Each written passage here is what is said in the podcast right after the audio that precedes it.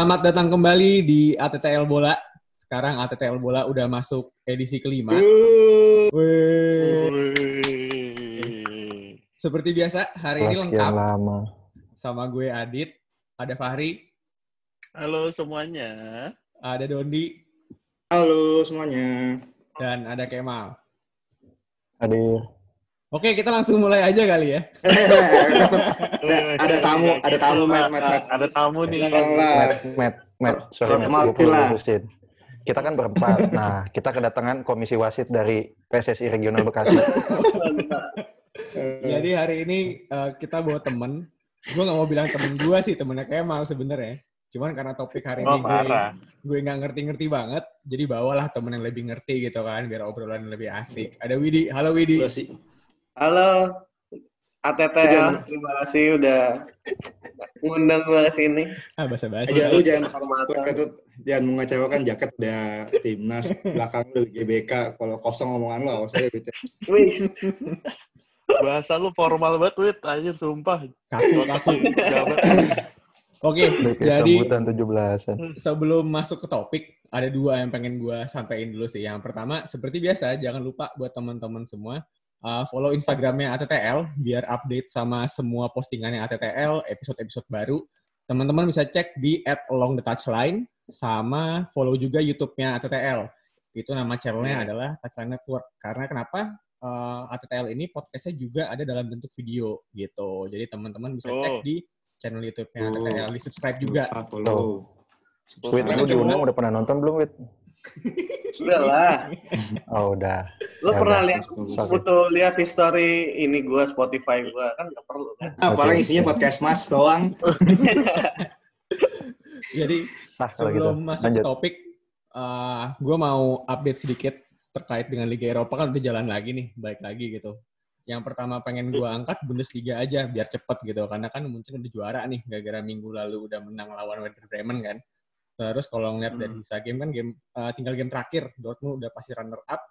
Terus Oh, iya, tinggal, Leip- tinggal Leipzig sama Leverkusen Leipzig. rebutan peringkat tiga ya kan. Eh, Dort- weekend nanti. Dortmund mecahin rekor tuh, Mamet. Apa tuh? Rekor paling paling banyak eh, ngegolin dalam satu season. Kalau nggak salah 84 gol lah. Emang lebih banyak dari Munchen ya? Enggak, enggak. Mecahin rekor dia sendiri. Oh, iya iya iya iya. iya. gitu. Nah, terus nyambung ke Leipzig sama Leverkusen tadi. Leipzig itu minggu nanti ketemu Augsburg sama nanti Leverkusen itu ketemunya Mainz. Soalnya mereka kalau nggak salah cuma di satu poin deh, jadi masih rebutan. Terus ke La Liga. La Liga ini cukup menarik sebenarnya. Udah mulai dan mereka kan jadwalnya padat banget. Jadi kayak kemarin misalkan eh, dalam seminggu terakhir tuh udah pada main dua kali. Madrid menang lawan Valencia 3-0, terus menang lagi lawan Sociedad 2-1. Nah, Barca nih yang agak agak keteteran gitu kan. Game pertama menang lawan Leganes 2-0, tapi habis itu imbang sama Sevilla 0-0. Jadi jadi sisa sisa tinggal tiga eh, Madrid sisa satu pertandingan kan terus eh, difference golnya cuma tinggal sisa tiga seru sih nih si Yes. Madrid sama Barca. Cuman Agak- kan gue tadi sempet cek standing saya ya. Gue pikir tuh di La Liga kan standar, yang banyak kan rata-rata pakai goal difference kan. Cuman ternyata di La Liga itu kan Hmm. pakainya head to head. Head, Makanya head to head ya. Ah, makanya Madrid sekarang Head yang head. peringkat satu, Hmm. meskipun poinnya sama 65. Terus sama ini yang lumayan seru tuh ternyata Atletico sama Sevilla poinnya sama 52. Jadi kayaknya rebutannya masih seru sih. Terus Hmm. kita geser ke Serie A. Gue pikir tuh Serie A udah jalan semua, cuman ternyata enggak ya. Baru nyelesain apa namanya match week ke 25 apa 26 ya yang belum dimainin kemarin kan. Itu Inter menang 2-1 lawan Sampdoria sama Atalanta seperti biasa hujan gol menang 4-1 lawan Sassuolo. Ada yang nonton gak sih? Nonton. Salah satu dari dua game ini? Belum. Gue nonton Inter doang sih. Nggak Di bisa, seri mana sih? Seri A, gue juga nggak tahu. Apa? Gue jaga anak gue. Oh mantep cuy. di seri A di mana? Erikson. Erikson. Video, video. Seri A. Video.com. Oh, oh. Nah, terus geser lagi nih ke liga yang paling yang paling-paling lah ya, kita ke Premier League. Eh, Arsenal. Ya udah, udah, udah lewat, lewat, lewat. Udah, udah, Hmm. udah, udah, gak usah dibahas yang itu. Udah lewat, lewat. Langsung United seri. Liverpool seri, apa udah. ya? Gitu. Arsenal Iya. Prediksi gua aman. sama Sampah. Chelsea, 3-0. Kalah lagi sama Brighton 2-1. Dan standar lah ya. Spurs 1-1 Anjir, lawan. United. Chelsea kemarin menang lawan Villa 2-1 sama Liverpool imbang 0-0. Berapa poin Hmm, lagi sih? Satu apa dua ya? Dua berarti. Bosen gue nonton. Tetap tetap tetap ah, dua pertandingan. Eh dua game. Nyari Nyari lima poin lah pokoknya. Ya lima poin dong lah pokoknya. 5 poin ya. Oke oke. Soalnya yang eh, habis gua cek tuh ntar malam eh, pas taping ini City main. ya. City main lawan Burnley ya. Iya. Cuman ya cu- apa cuman bisa memperpanjang Liverpool buat pasti juara aja sih sebenarnya basa-basi aja itu. Iya. Betul. Oke, jadi update-nya paling segitu aja. Kita masuk ke Wait topik. dia, wait dia main wait. Apa kayak respon dikit gitu? Iya iya. iya. Enggak, Widi tuh nungguin Boleh wait. nungguin topiknya gitu. Yang ini dia nggak gitu ngikutin. Oh, iya. Nggak pasti paham ya. Bocos gitu. Jadi kita bahas apa nih hari ini? biar gue kelihatan lebih expert di liga Nah, ini. Nggak usah nggak usah nggak usah gitu nggak usah nggak usah sosokan. Jadi seperti yang kita tahu ya kan di perduniaan sepak bola Indonesia lah terutama gitu. Iya, Seminggu rame ini kan kabar terkait Sinteyong kan kenceng banget. Ya kan. Nah, gue sih sebenarnya memang salah satu alasan ngajak Widil lah karena kan gue nggak gitu ngikutin sepak bola Indonesia ya gitu. Jadi gue nggak ngerti-ngerti banget nih atau bahkan bisa dibilang malah nggak ngerti sama sekali gitu. Jadi gue pengen tahu sih sebenarnya dari kalian berempat yang emang ngikutin sepak bola Indonesia juga kan terutama nih kondisinya gimana sih sebenarnya terkait PSSI sama Sinteyong. Mungkin karena tadi tadi belum ngomong kali ya. Kalau misalkan gue kasih Iya, langsung lah. gimana nih? Langsung lah dari Komdis duluan. Komdis PSSI ini. Gimana gimana? Jadi kalau kalau gue ikutin sih beritanya dari awal, eh, sebenarnya ini pure miskomunikasi aja sih. Kan eh, Anjir pejabat banget gak tuh? Miskomunikasi ya. COVID ini kan Ya, kasih kesempatan kasih kesempatan Ini guys kan, kasih eh, kesempatan. PSSI itu udah minta eh, Sinteyong tuh sebenarnya gajinya dipotong kan dari awal tuh. Tapi eh, itu juga nggak ada masalah sih buat Sinteyong. Emang eh, kegiatan bola juga udah mulai menurun. Terus eh, abis itu eh, Sinteyong kan diminta untuk balik Nanti ya. ke Indonesia itu Juli ya kalau nggak salah ya. Juli buat mulai persiapan eh, latihan timnas lagi.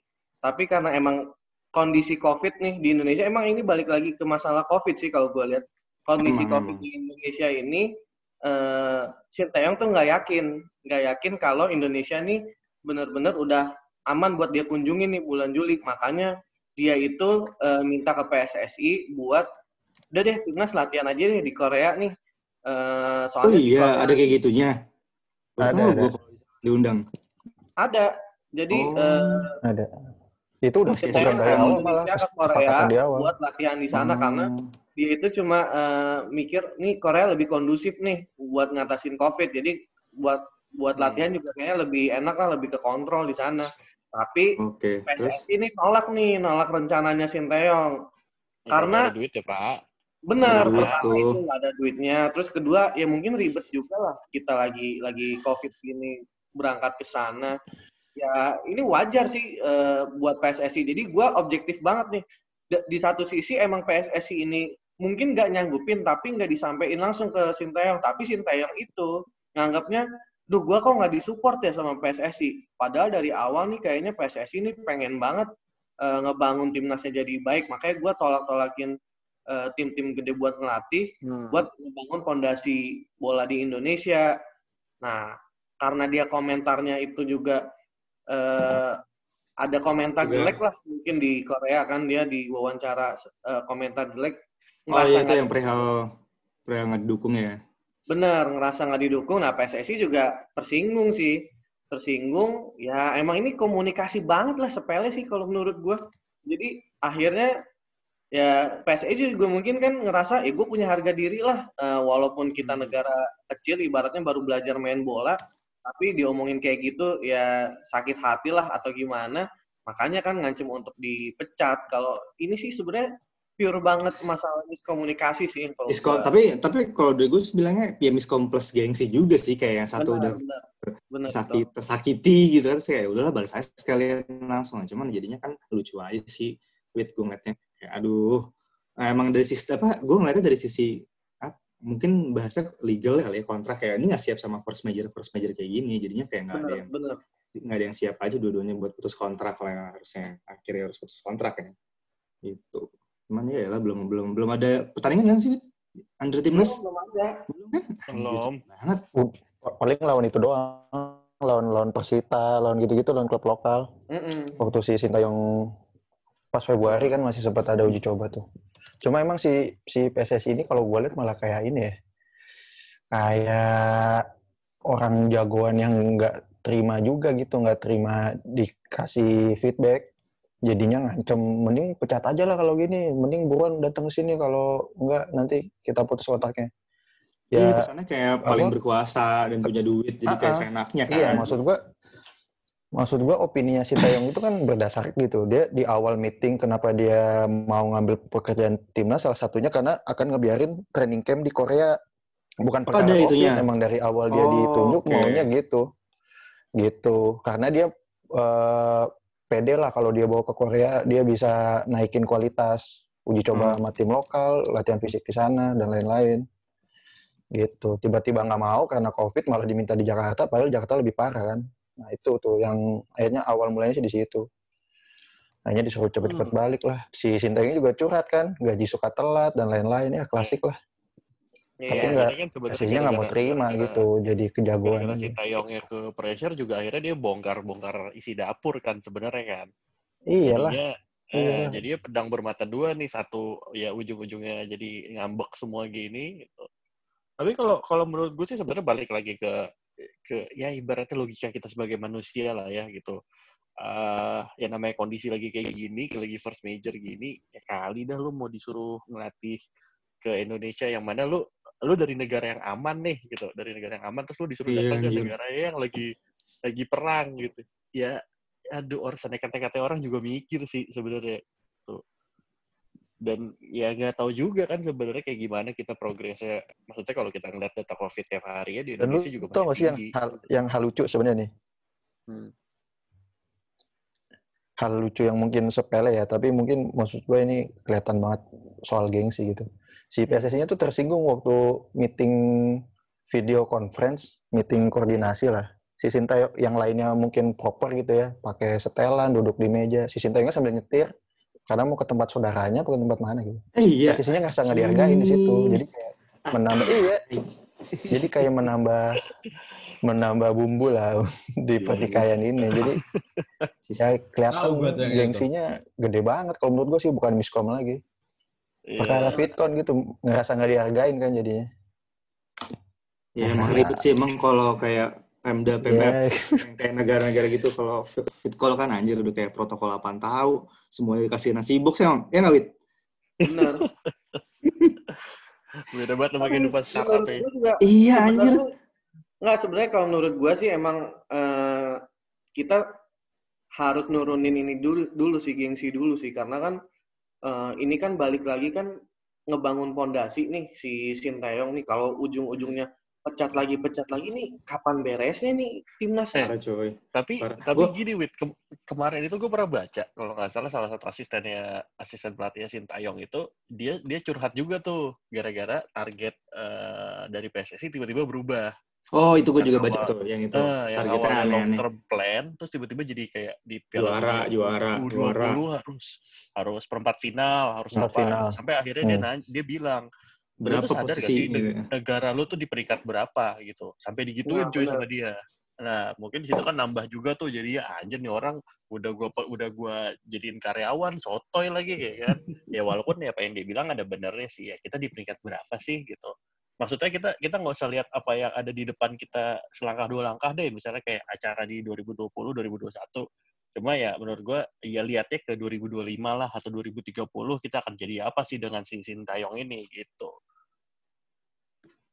Makanya jangan sampai jadi kasus Luis Milla kedua lah. Padahal ya mungkin kalau kemarin case-nya tuh Luis Milla eh, gajinya juga kemahalan ya. Kita juga nggak sanggup lah untuk bayar pelatih sekelas dia. Cuma hmm, se- sebenarnya siapa pun pelatihnya, balik lagi ke organisasinya dulu sih.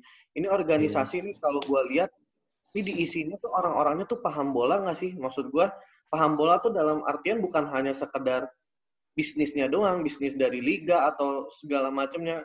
Kemarin tuh kayak case Ratu Tisa aja sebenarnya iya wit yang udah ngerti aja di tap di dapak wit gimana ya nggak ngerti makanya makanya maksud wit isinya Apa yang sih, gak emang? ngerti disayang ya kan di situ nggak ngerti deh sayang kamu Kalau Padahal ya misalkan gue gue apa Mat? gimana Mat? kalau misalkan ngomongin Ratu Tisha ya, maksudnya baik lagi kan gue nggak nggak sangat tidak mengerti terkait ini lah. Cuman kan karena kita ngebahasnya kan, gue mau nggak mau jadi coba cari source buat baca-baca kan, biar nggak mati gaya gitu. Hmm.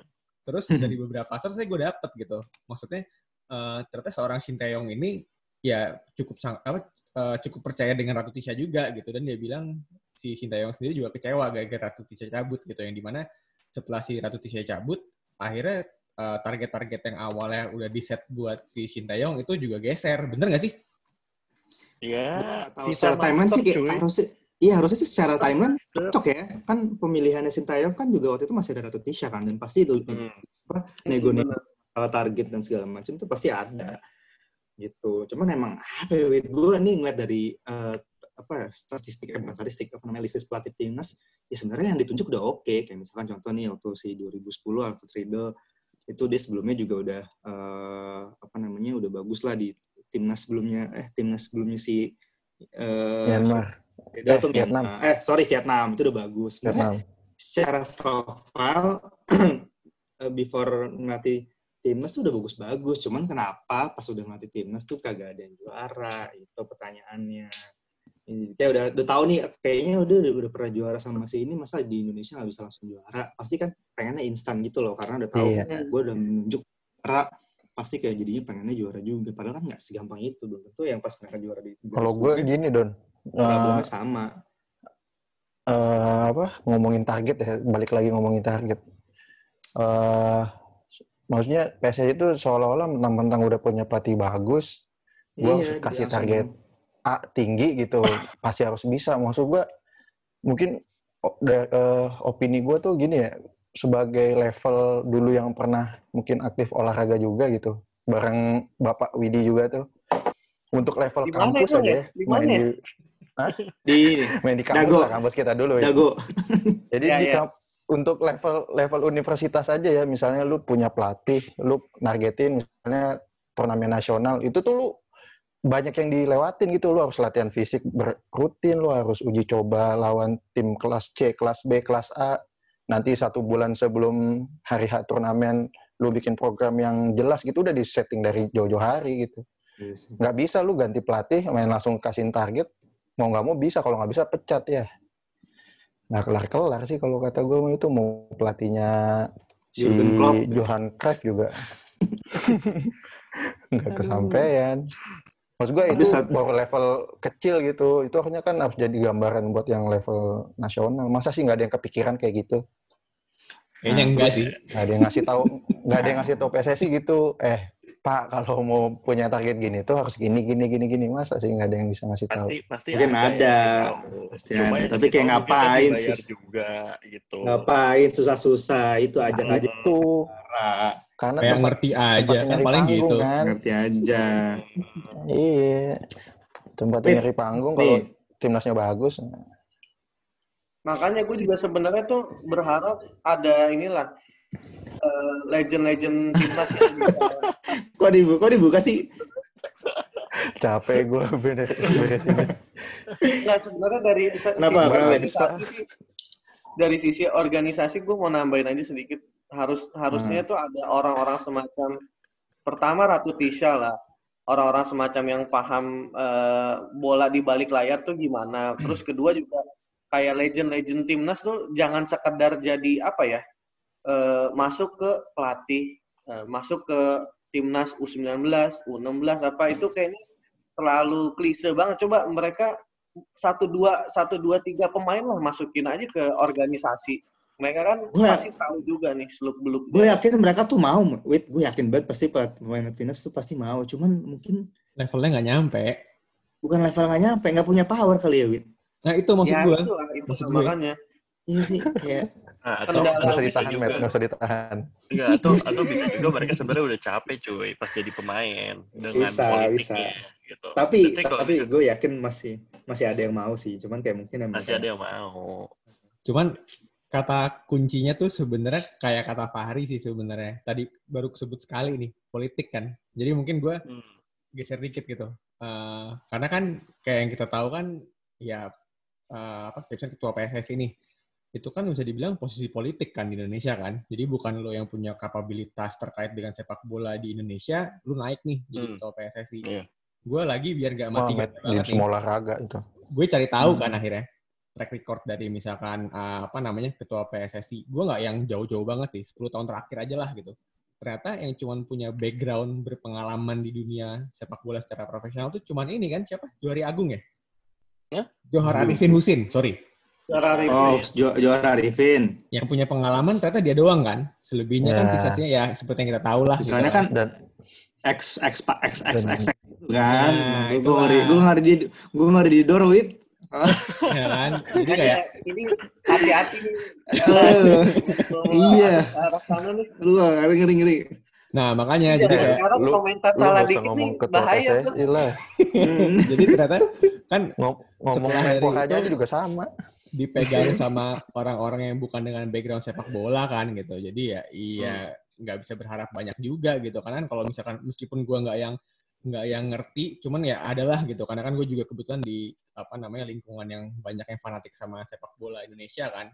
Ya, pada bilang akhirnya buku baru cerita lama terus gitu. Mau siapa pun Ya. yang ganti, cuman ujung-ujung ceritanya sama gitu. Dan ternyata ya sama Shin Taeyong ini kan juga sama kan. Nah mungkin kita geser dikit nih agak berandai-andai gitu kan. Eh, kalau misalkan ngerjain gaya kayak gini dengan mentalitas yang ada di PSSI kan kayaknya dipecat nih. Nggak kaget lah kalau misalkan dipecat gitu kan. Menurut kalian semua yang kira-kira calon kuat yang gantiin siapa sih? Menurut lo siapa, Mal? Ini uh, ngomongin buat jangka pendek lah ya. Karena Mhm. di depan mata kan udah mau ada Piala Dunia U20 sama Piala Asia ya U19 ya. Hmm, AFF juga harusnya tahun ini kan, Bos? Iya, Harusnya kan? apa? Oktober kalau Iya, nggak salah. iya. Tahun ini kan AFF. Oh, November ya, November Eh. Desember. Harusnya, tapi gue nggak tahu Iya, iya. kan. Nah, maksud jadi kalau ngomong untuk yang ngejar turnamen yang ada ya, eh ya pilihan lain cuma Indra Safri sih, karena dia juga di awal masuk jadi dir- dirtek, eh, awalnya jadi asisten pelatih, tim asisten pelatih kan, habis itu sempat naik jadi dirtek, walaupun di Februari dia ada masalah sama Sinteyong, cabut Ya, waktu habis Ada ceritanya juga tuh. eh, training camp dari Cina. Nah, kayaknya dia nggak nggak masuk di timnya Sintayong lagi. Cuma eh, karena pemain-pemain ini pemain, banyak-banyak pemain muda yang dulunya juga dilihat ya masih Indra Syafri, ya untuk saat ini cuma dia sih yang bisa megang. Cuman sorry nih Mal, motong dikit ada Mal. opini lain kan nih? Gue kan eh, apa namanya cuma nambahin sih gitu kan. gue akhirnya juga cari-cari karena kan yang nama yang kencang naik Indra Syafri kan. Yang gue tahu kan Indra Syafri itu awalnya ya namanya kan di kalangan masyarakat Indonesia, di kalangan supporter-supporter sepak bola Indonesia kan namanya wangi banget ya karena terkait dengan Iya. bawa timnas U berapa waktu 20 ya? Apa 19, 19. 19. Evan Dimas, 19 Evan ya. Dimas, U19. Sandi Mas. Nah, 19 angkatan Evan Evan Dimas gitu. Cuman ternyata kalau misalkan lihat animo masyarakat sekarang kok jelek ya sekarang. Kenapa sih? Ada yang tahu nggak? Eh, jadi Fahri tuh. kalau kalau kalau gue nggak salah ya, maksudnya ini bukannya saya benci Bapak IS ya, cuma saya mungkin kurang setuju dengan cara mainnya aja gitu. Eh, dia kan setelah setelah U19 terus dia sempat megang, oh nggak salah sempat megang senior kan, senior juga, eh senior apa? Eh, enggak, enggak. U23 Enggak, kan, U23. paling tinggi dia U23. U23. Nah, Hmm. U23 kan ternyata nggak works kan taktiknya dia gitu nggak works terus juga dia ke akhirnya dia ke Bali United di Bali Bali United, juga United. ternyata nggak works gitu loh jadi sebenarnya gini kalau gue lihat sebenarnya bukan eh, dia di, di- dia tuh di di U19 emang bagus cuma akhirnya ketutupan dengan kegagalan dia di U23 sama kegagalan dia di Bali United gitu Eh, walaupun kalau menurut persepsi gue ya mainnya emang udah ketebak caranya kayak gitu gitu loh taktikalnya dia kayak gitu Iya, menurut gua gampang ya sih gua matainnya. lihat. Heeh. nah akhirnya ya udah Tuh, gitu. Jadi siapa Kalau menurut lo gua- yang pantas? kalau menurut gue ya, kalau kalau kalau gue nih kalau gue Sintayong dipecat siapa pun pelatihnya bahkan guru guru olahraga SD pun menurut gue nggak masalah menurut gue ya menurut gue nggak masalah. Guru, guru olahraga SD juga guru olahraga TK juga kagak masalah. Kenapa ya? targetnya udah jelas. Yang penting kagak bikin malu kagak dibantai. Udah cukup kayak gitu aja. Gak usah muluk-muluk pengen juara. Menarik udah. sih. Cuma Menarik, menarik. kalah satu kosong kalah dua kosong oh bagus. Udah cakep. Gitu. Cakep. Udah. Nggak usah jauh-jauh. Nggak usah berharap ke perempat final ke semifinal. Jangan dulu jangan ke situ. Pelan-pelan lah Wit, Itu kayaknya serius banget mukanya Wit. Menurut lo gimana Wit? Wih, dia lagi mikir itu. iya ini Ya kira-kira sebenarnya Komdis akan kalau dilihat akan dari kalau dilihat dari eh, apa namanya lingkungan sepak bola Indonesia dominasi pelatih lokal sama Ya. eh, apa namanya pelatih asing, Asing. itu bisa dibilang 50-50 lah. Jadi Hmm. eh, kalaupun kasarannya nih ya, kasarannya kita mau nyabut pelatih asing, sebenarnya bisa aja banyak pelatih asing berkelas juga kayak kemarin Kayak pelatihnya mantan Robert pelatih. Persib sekarang di Arema. Oh, Robert Rene. Albert. Hmm. Terus Simon eh, McManamy. Ya, jangan dong. Teko, Teko, Teko Bali United sebenarnya gua agak-agak ini juga sih, agak emes juga sama dia. Awalnya kan dia kan pelatih, sebenarnya pelatih fisik dan eh, Hmm. mulai kelihatan main bagusnya tuh sebenarnya ya jujur aja sih di Persija emang emang bagus lah sampai akhirnya eh, kemarin kan bisa bawa juara. Terus lanjut lagi ke Bali juga juara. Jadi kalau dibilang eh, chance untuk ngambil pelatih asing sebenarnya bisa aja nih eh, PSSI, tapi sekarang balik lagi yang tadi masalahnya kan kita eh, masih ada unsur politiknya juga. Mungkin kalau dari nama kuat ya masih masuk Indra Safri lah. Indra Safri emang pengalamannya banyak dari megang timnas U19 Hmm. dan lain-lain. Terus prestasinya juga ada. Dia kan dua kali juara juga tuh di timnas. Jadi eh, sebenarnya bisa jadi pertimbangan juga sih menurut gua. Kalau buat ngebajak minimal Teko lah. Teko tuh ya lumayan sih kalau gue lihat dari cara mainnya Bali United juga bagus sih. Eh, apa ya? Eh, tiki Gua- takanya tuh Gak usah, gak usah, gak usah mengandai-andai lah orang lain udah sampai Kita Teko. mengaklaim dirinya head coach. Hey, gue head coach gitu. Udah, udah pasti dia pelatihnya udah. Asli. Eh, gua gua gua mau drop satu nama nih. Fahri Husaini. Tuh. Gimana? Gue malah kenapa ya? Gue cenderung pasti yang kepilih terlepas entah ya, kalau misalkan In- Indra Safri nggak beneran kepilih ya, walaupun dia udah nggak klaim dirinya head coach. Kayaknya ini deh, eh, Bima Sakti deh. Entah kenapa ya, gue kayaknya lebih condong ke sana sih. Bima Sakti. Itu Bima Sakti yang jadi Heeh. backgroundnya tahu apa ya. Iya. di Dodo, di Dodo. Ini Bima Sakti sih, entah kenapa. Ya gua Tahu ya, nanti. gua gua sih pengennya kalau memang pelatih lokal ya Fahri Husaini lah. Kelihatan cuy dia. Gimana gimana Otaknya gimana? pakai. Kalau kalau kalau gue ya kalau kalau buat jangka panjang dia kan ngomong jangka pendek yang buat Eh, setelah ini tapi buat malah turnamen lah. kagak ada bakal jangka panjang malah buat timnas malah. Iya, jangka mas, pendek. maksud ya nggak maksud gue paling panjang tiga bulan sih- malah sumpah. kalau kalau Sintayong dipecat itu nanti bakal modelnya kayak Jackson F. Tiago atau siapa waktu itu cuma jadi caretaker satu turnamen doang, satu dua turnamen Hmm. ngeberesin kan. Hmm. Tapi kalau mau eh, yang lama bisa dicoba ini tahu si Seto Nurdiantoro loh. Itu Oh mah iya udah itu. kelihatan kelasnya di PSS. Materi pemain ap- eh, ala kadarnya dari tim promosi langsung main hampir masuk papan atas. Hmm. Ya sih, Bisa tuh, juga sih ya. namanya. Hmm. Dia kayak nih, Frank mau- Lampardnya Indonesia lah. Gua Iya, mau semoga ada yang kayak gitu-gitu lah. Iya. Gimana Matt? Gimana Matt? Mau Mat? ini sih, maksudnya kan eh, biar pengetahuan gue nambah ya terkait dengan sepak bola Indonesia kan. Ada nggak sih sebenarnya pelatih, eh, pelatih timnas nih yang awalnya tuh dia punya karir gitu loh. Maksudnya either misalkan dia mantan pemain, terus dia megang tim di Liga Indonesia sendiri gitu kan. Eh, Hmm. Terus akhirnya dia sampai bisa nih jadi pelatih timnas. Itu ada nggak sih sebenarnya? Kalau gue enggak gue tengah ini kapten. nggak harus nggak harus Indonesia kan? Di Indonesia? Oh, harus main Indonesia. Hmm. Karyawan Oh, iya, pupuk Kaltim, Matt. Anjir gak tuh? Iya, emang kalau- kalau- Ibaratnya kalau emang pemain legend Fahri Husaini, Matt. Sama Hmm, Bima hmm, Sakti lah. Bima yang ngerasain dari timnas dari jadi dari dari nggak apa-apa terus jadi legend terus jadi pelatih ya itu Bima Sakti sama Fahri Husaini kalau Indra Safri kan enggak dulu udah, udah Rahmat Darmawan kan eh, militer Hmm. bukan ini, bukan pemain Benny Ya, Dolo enggak juga Oh, Bendol tuh bukan mantan pemain ya? Sama sekali. Setahu gue sih kayaknya enggak deh. Ya, kalau ngeliat bentukannya nggak meyakinkan sih. Cuman ini maksudnya gue ngatain kayak apa ya? Ujung-ujungnya kan kayak dari grassroots football kan. Maksudnya kayak lu berjenjang lah gitu. Nah gue nggak tuh di Indonesia nggak ada nggak. Makanya gue tanya tadi kan, setahu gue nggak ada sama sekali gitu. Maksudnya kayak sejauh yang gue inget aja, yang notable kayak misalnya kayak Alfred Riedel kan selalu eh, Indonesia tuh senangnya ambil pelatih luar kan. Jadi kayak seakan-akan ya di apa namanya dalam skala nasional di Indonesia sendiri tuh ya sepak bolanya gimana sebenarnya gitu loh. Jadi kayak nggak Ya, Matt. ada nggak ada Eh, jalannya gitu. Kalau mau ngomongin grassroots football ya, eh, Hmm. kebetulan gue sama Dondi ini pernah berkecimpung lah di Liga U15 ya Don ya? U15 Iya. apa U10 Don? Ya, Liga 15 Kompas. itu. Anjir, 10. 15. 15.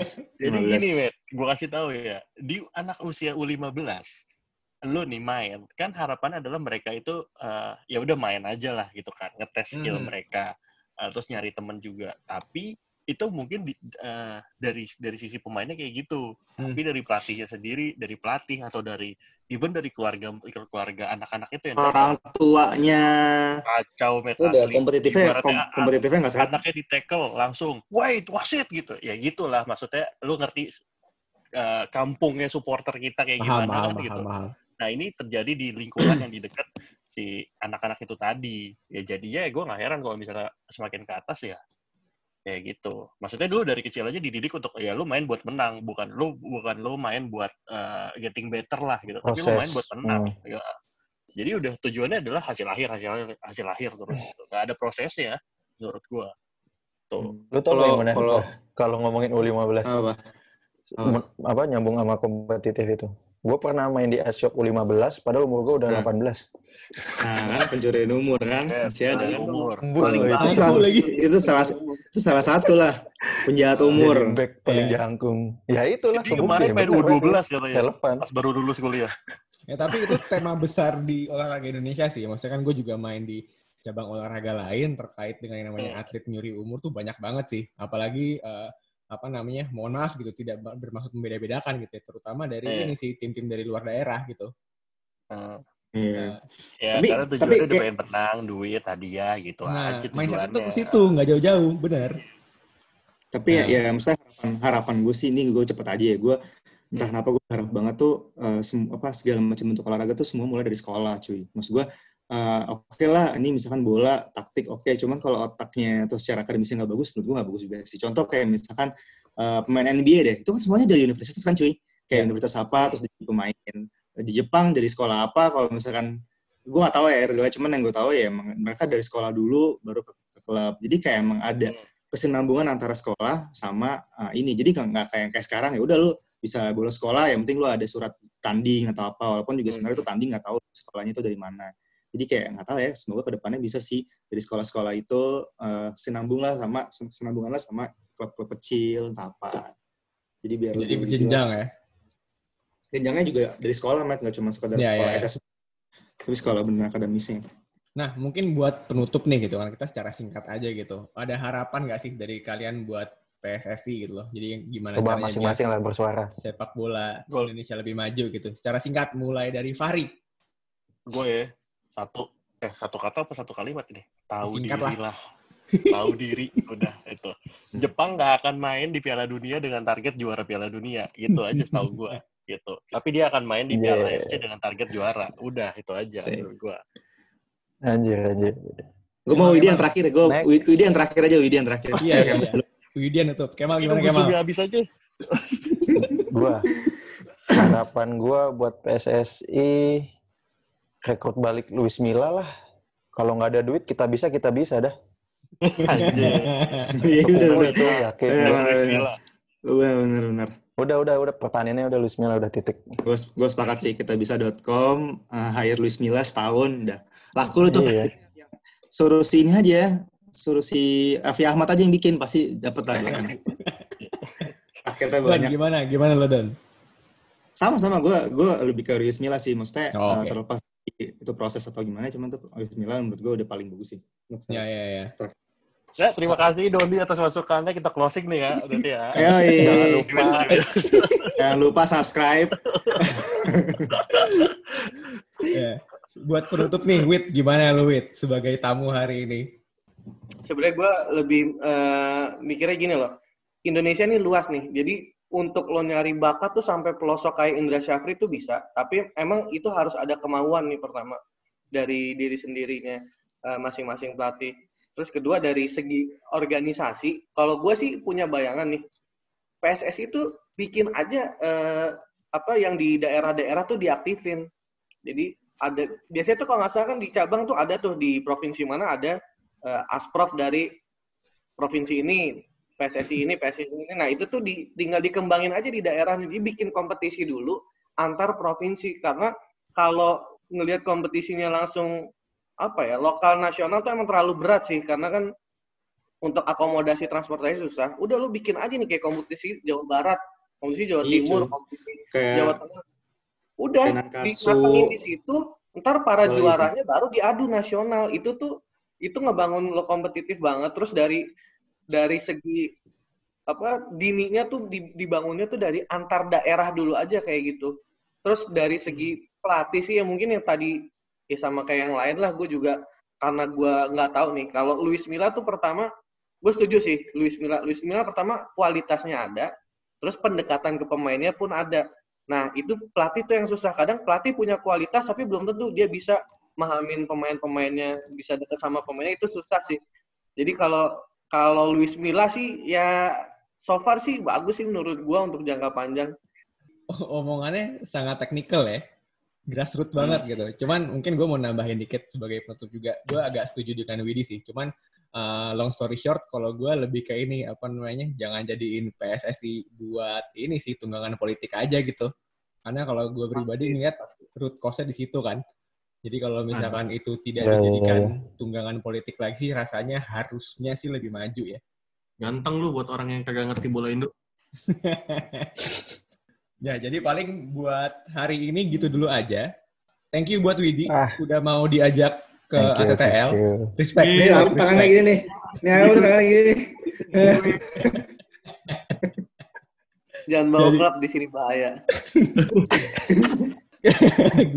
sebelum udahan gue mau remind lagi buat teman-teman semua follow Instagramnya ATTL di @alongthetouchline buat dapat uh, update terkait dengan podcast ATTL paling cepat di sana. Terus juga karena nanti podcastnya ada juga dalam bentuk video podcast, jadi pastiin teman-teman juga subscribe channel YouTube-nya ATTL di Touchline Network. Jadi paling uh, kita dari ATTL Bola buat hari ini segitu dulu. Kita semua signing out. Bye semua. Sampai depan. thank you.